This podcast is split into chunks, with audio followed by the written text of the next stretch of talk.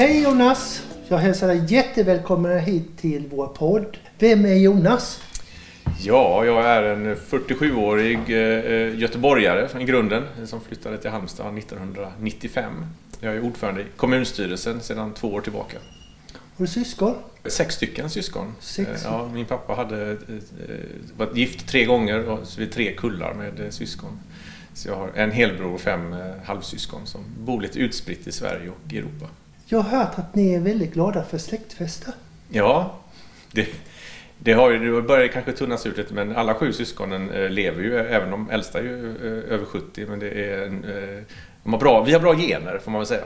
Så vi brukar träffas på, hemma hos någon av syskonen. Så det, vi har ju en som bor i Tyskland, en som bor i Schweiz och sen någon som har flyttat hem från Frankrike nyligen. Så då brukar vi samlas många barn och barnbarn och barnbarnsbarn blir det ju till och med nu då.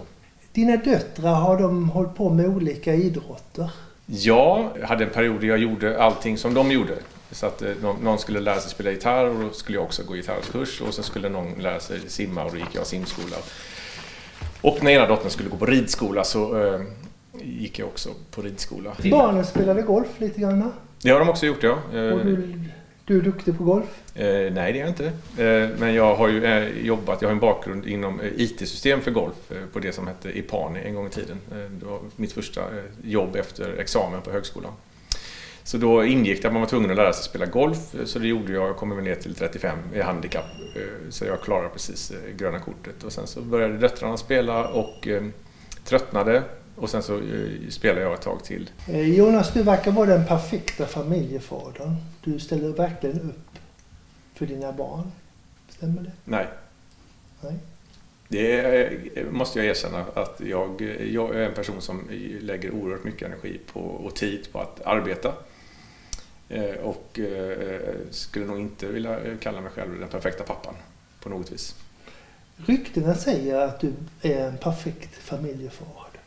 Mm, jag eh, ställer upp så, så gott jag kan och hinner men eh, eh, jag skulle inte tro att de ryktena kommer från mina barn i alla fall. Man ställer ju upp för sina barn så gott det kan eh, och, och när det är viktiga saker så, så finns man ju där som förälder. Det är ju inte så men eh, jag skulle nog säga att jag ganska länge, redan innan politiken, har, har ägnat väldigt mycket tid åt eh, arbete. Men när jag har haft hobbys så har jag verkligen försökt lägga dem eh, på annan tid än när man är med barnen ändå så gott det går. Jag spelade golf, då var jag uppe eh, fem på morgonen och eh, han spelade nio hål och sen kom jag hem och väckade dem och- med frukost och, frallor från eh, Börjes i Harplinge. Jag har skrivit ett par böcker på fritiden och det gjorde jag på, på nätterna. Så att jag har försökt under åtminstone några år att inte stjäla för mycket av familjetiden men de senaste åren så, så jobbar jag väldigt mycket. Vad fick dig att välja att bli moderat? Jag får den här frågan ganska ofta och har eh, försökt ändå hitta någon form av eh, trovärdigt svar för mig själv. Den tydligaste bilden jag har det är från när jag var eh, i tioårsåldern. Jag är uppväxt då i Kungsladugård som är ett extremt kommunistiskt område på den tiden och det är det fortfarande. Jag hade väldigt många klasskamrater vars föräldrar var aktiva i KPMLR och skulle göra revolution och sådär. Eh, och så hade vi någonting på 80-talet som hette SIA, som var skolans inre arbete. Man fick en katalog, det var någon, det var någon nationell pedagogik. Man fick en katalog med saker man kunde göra och jag provade verkligen allt. Jag gick bakkurs, jag spelade basket och handboll och brevduve och, och eh, luftgevär. Och sen var det jag och min kompis Andreas, då skulle vi börja på eh, karate. Och det eh, anmälde vi oss till och så skulle vi börja karate och sen så var det föräldramöte och så kom mina föräldrar hem och sa att nu har då för, klassens föräldrar bestämt att inga barn ska få gå karate. För det var ju då några som var pacifister eh, och som tyckte att det här var eh, våldsamt och då, då beslutade man att inga barn ska gå i karate eftersom inte deras barn fick gå i karate. Och det där minns jag fortfarande, jag är så förbannad jag var den kvällen. Att vem är ni att bestämma över mig? Jag eh, har rätt att ta mina egna beslut och utforma mitt eget liv. Och det är en väldigt tydlig bild jag har från, från ganska låga år. Vad är den stora skillnaden mellan en moderat och en socialdemokrat? Det är nog synen på, på kollektivet och, och på individen. Eh, Det är väl den, den absolut stora skiljelinjen och den, den eh, syns ju i, eh, i de flesta beslut vi tar. Det var någon som berättade att du var väldigt rädd för att stå inför folk i början. Mm. Stämmer detta? Jag har eh, i många år haft en eh, oerhörd scenskräck. Ja, Jag minns första gången i fullmäktige, 2015 kanske det var jag skulle upp i talarstolen eh, och jag fick hålla i stolen för att jag skakar i hela kroppen. Som det mesta annat i livet så går det att träna på, allt och bli bättre. Och nu är det nästan så att jag faktiskt längtar efter att få stå och tala inför folk. Men det som jag hade med mig redan första gången eh, och som jag har med mig idag det är att alltid vara väldigt väl förberedd. Alltid känna sig trygg i det man ska säga och jag skriver ju alla mina anföranden och tal eh, helt själv för att känna att det är verkligen jag som förmedlar ett budskap och inte någon annan som försöker tolka mig. Jobbade med, som ordförande på Halmstad Energi. Eh, ja, det var mitt första politiska stora uppdrag. Hur var det att börja där? Jag fick ju den här frågan som man får eh, eh via telefon av, av de som sätter ihop de olika uppdragen efter valet. Och jag, det första jag gjorde var att googla och så tänkte jag Halmstad Energi, fick fram en årsredovisning, ser att de omsätter ungefär en miljard per år. Och så tänkte jag eh, nog eh, hur i helskotta ska jag kunna hantera detta? Vem är jag att göra det? Men sen så tänkte jag så här att det är ju så politiken fungerar i kommuner och det är vanliga människor som har vanligt yrke, en vanlig bakgrund som, som tar väldigt många stora ansvar. Eh, så jag gjorde det som jag brukar göra i alla uppgifter. Jag, jag ser till att lära mig så mycket jag kan och bygger trygghet genom att, eh, att känna mig trygg i kunskapen och sen försöka eh, se och lära hur andra hanterar det. Vad är det för skillnad mellan kommunstyrelsens ordförande och kommunchefen? Eh, jag är ju politiskt tillsatt eh, som kommunstyrelseordförande och kommundirektören är ju kommunens högsta tjänsteman så han har ju den, det operativa ansvaret för kommunen. Hur ser en normal arbetsdag ut? Eh, eh, vi har ganska mycket formella beslutsmöten som, man måste, som jag leder oftast. Eh, och det handlar om till exempel en budgetberedning, det kan vara kommunstyrelse, utskott, ett fullmäktigemöte som vi har någon gång i månaden. Sen är det mycket företagsmöten med olika företagsrepresentanter. Jag, jag är ju ordförande även i det utskottet som jobbar med näringslivsfrågorna så att det blir ju naturligt. Så att mycket möten och arbetsdagen, inläsningen gör jag egentligen på, på, på kvällar och på helgerna.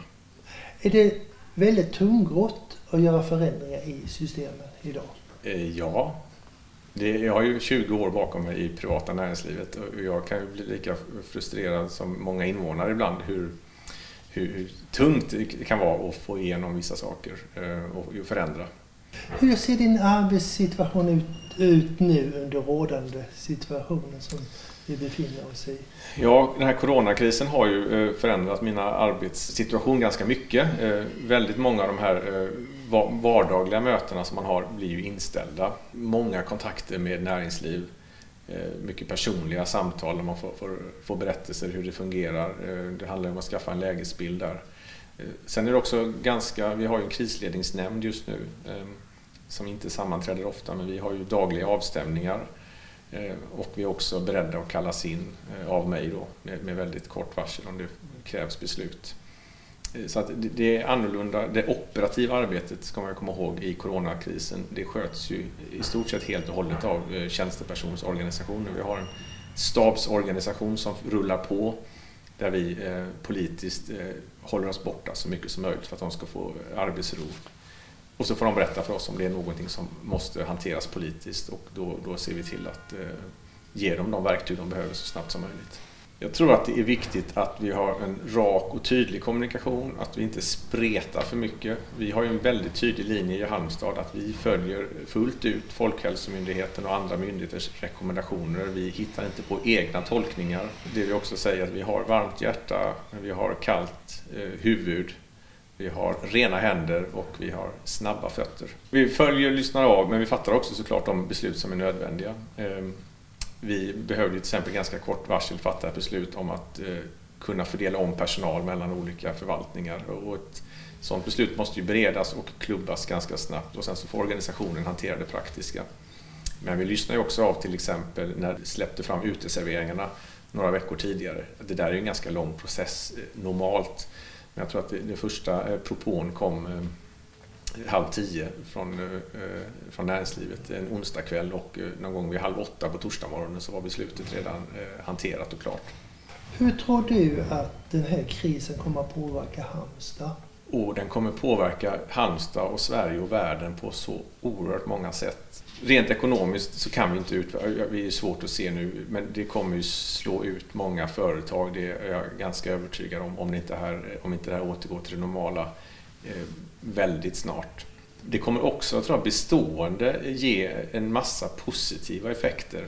Den här typen av kriser för ju samman människor. Den, den, den hittar nya möjligheter, nya vägar. Den ger oss inspiration till framtiden, hur vi kan fatta beslut snabbare. Eh, så att den skapar ju mycket sånt, alltså kris, kris för människor närmare på många sätt. Stora negativa konsekvenser är jag rädd för, men ur allt ont kommer också alltid något gott. Det måste komma in väldigt många orimliga krav från företagen. Ja, eller jag ska inte säga orimliga. Det kommer in mycket önskemål från eh, enskilda företagare, från branschorganisationer, från eh, ja, Svenskt Näringsliv och Företagarna. Jag har full förståelse för det, men vårt budskap är ju att de stora musklerna att hjälpa företagen, det är staten som har. Och sen så är vår absoluta huvuduppgift i kommunen, det är att se till att skolan, vården, omsorgen, eh, trafiken, allting det här ska ju fungera. För om inte vi klarar av det uppdraget, då kommer det vara fullständigt omöjligt att driva företag i Halmstad även under krisen. Hur är en bra politiker? Eh, en bra politiker har ju då den här beslutskraften, öppen, föra dialog med invånare och företagare och andra intressenter. Ibland eh, göra misstag, för det gör alla självklart, även politiker, eh, men ändå beredda att, att stå upp för att man gjorde misstag. Och eh, man bör ha en hyfsat brett intresse, åtminstone i min roll, brett intresse för kommunens verksamhet, att inte bara fokusera på ett område. Du ska vara duktig på matlagning också, va? Stämmer? Ja, jag är det beror på vad man menar med duktig. Jag är väldigt bra på att hitta goda recept. Eh, och när jag hittar ett recept så ser jag direkt att det här kommer smaka jättegott. Jag tycker om att, att, eh, att göra lite komplicerade recept som kräver många moment. Eh, men jag är inte så bra på att improvisera däremot. Jag är väldigt på när jag går in i saker. Jag kan vara väldigt dedikerad. Jag skriver mina två böcker och så var jag klar med det. Då behöver jag inte skriva fler. Jag har sprungit mina två maraton och så är jag liksom nöjd med det.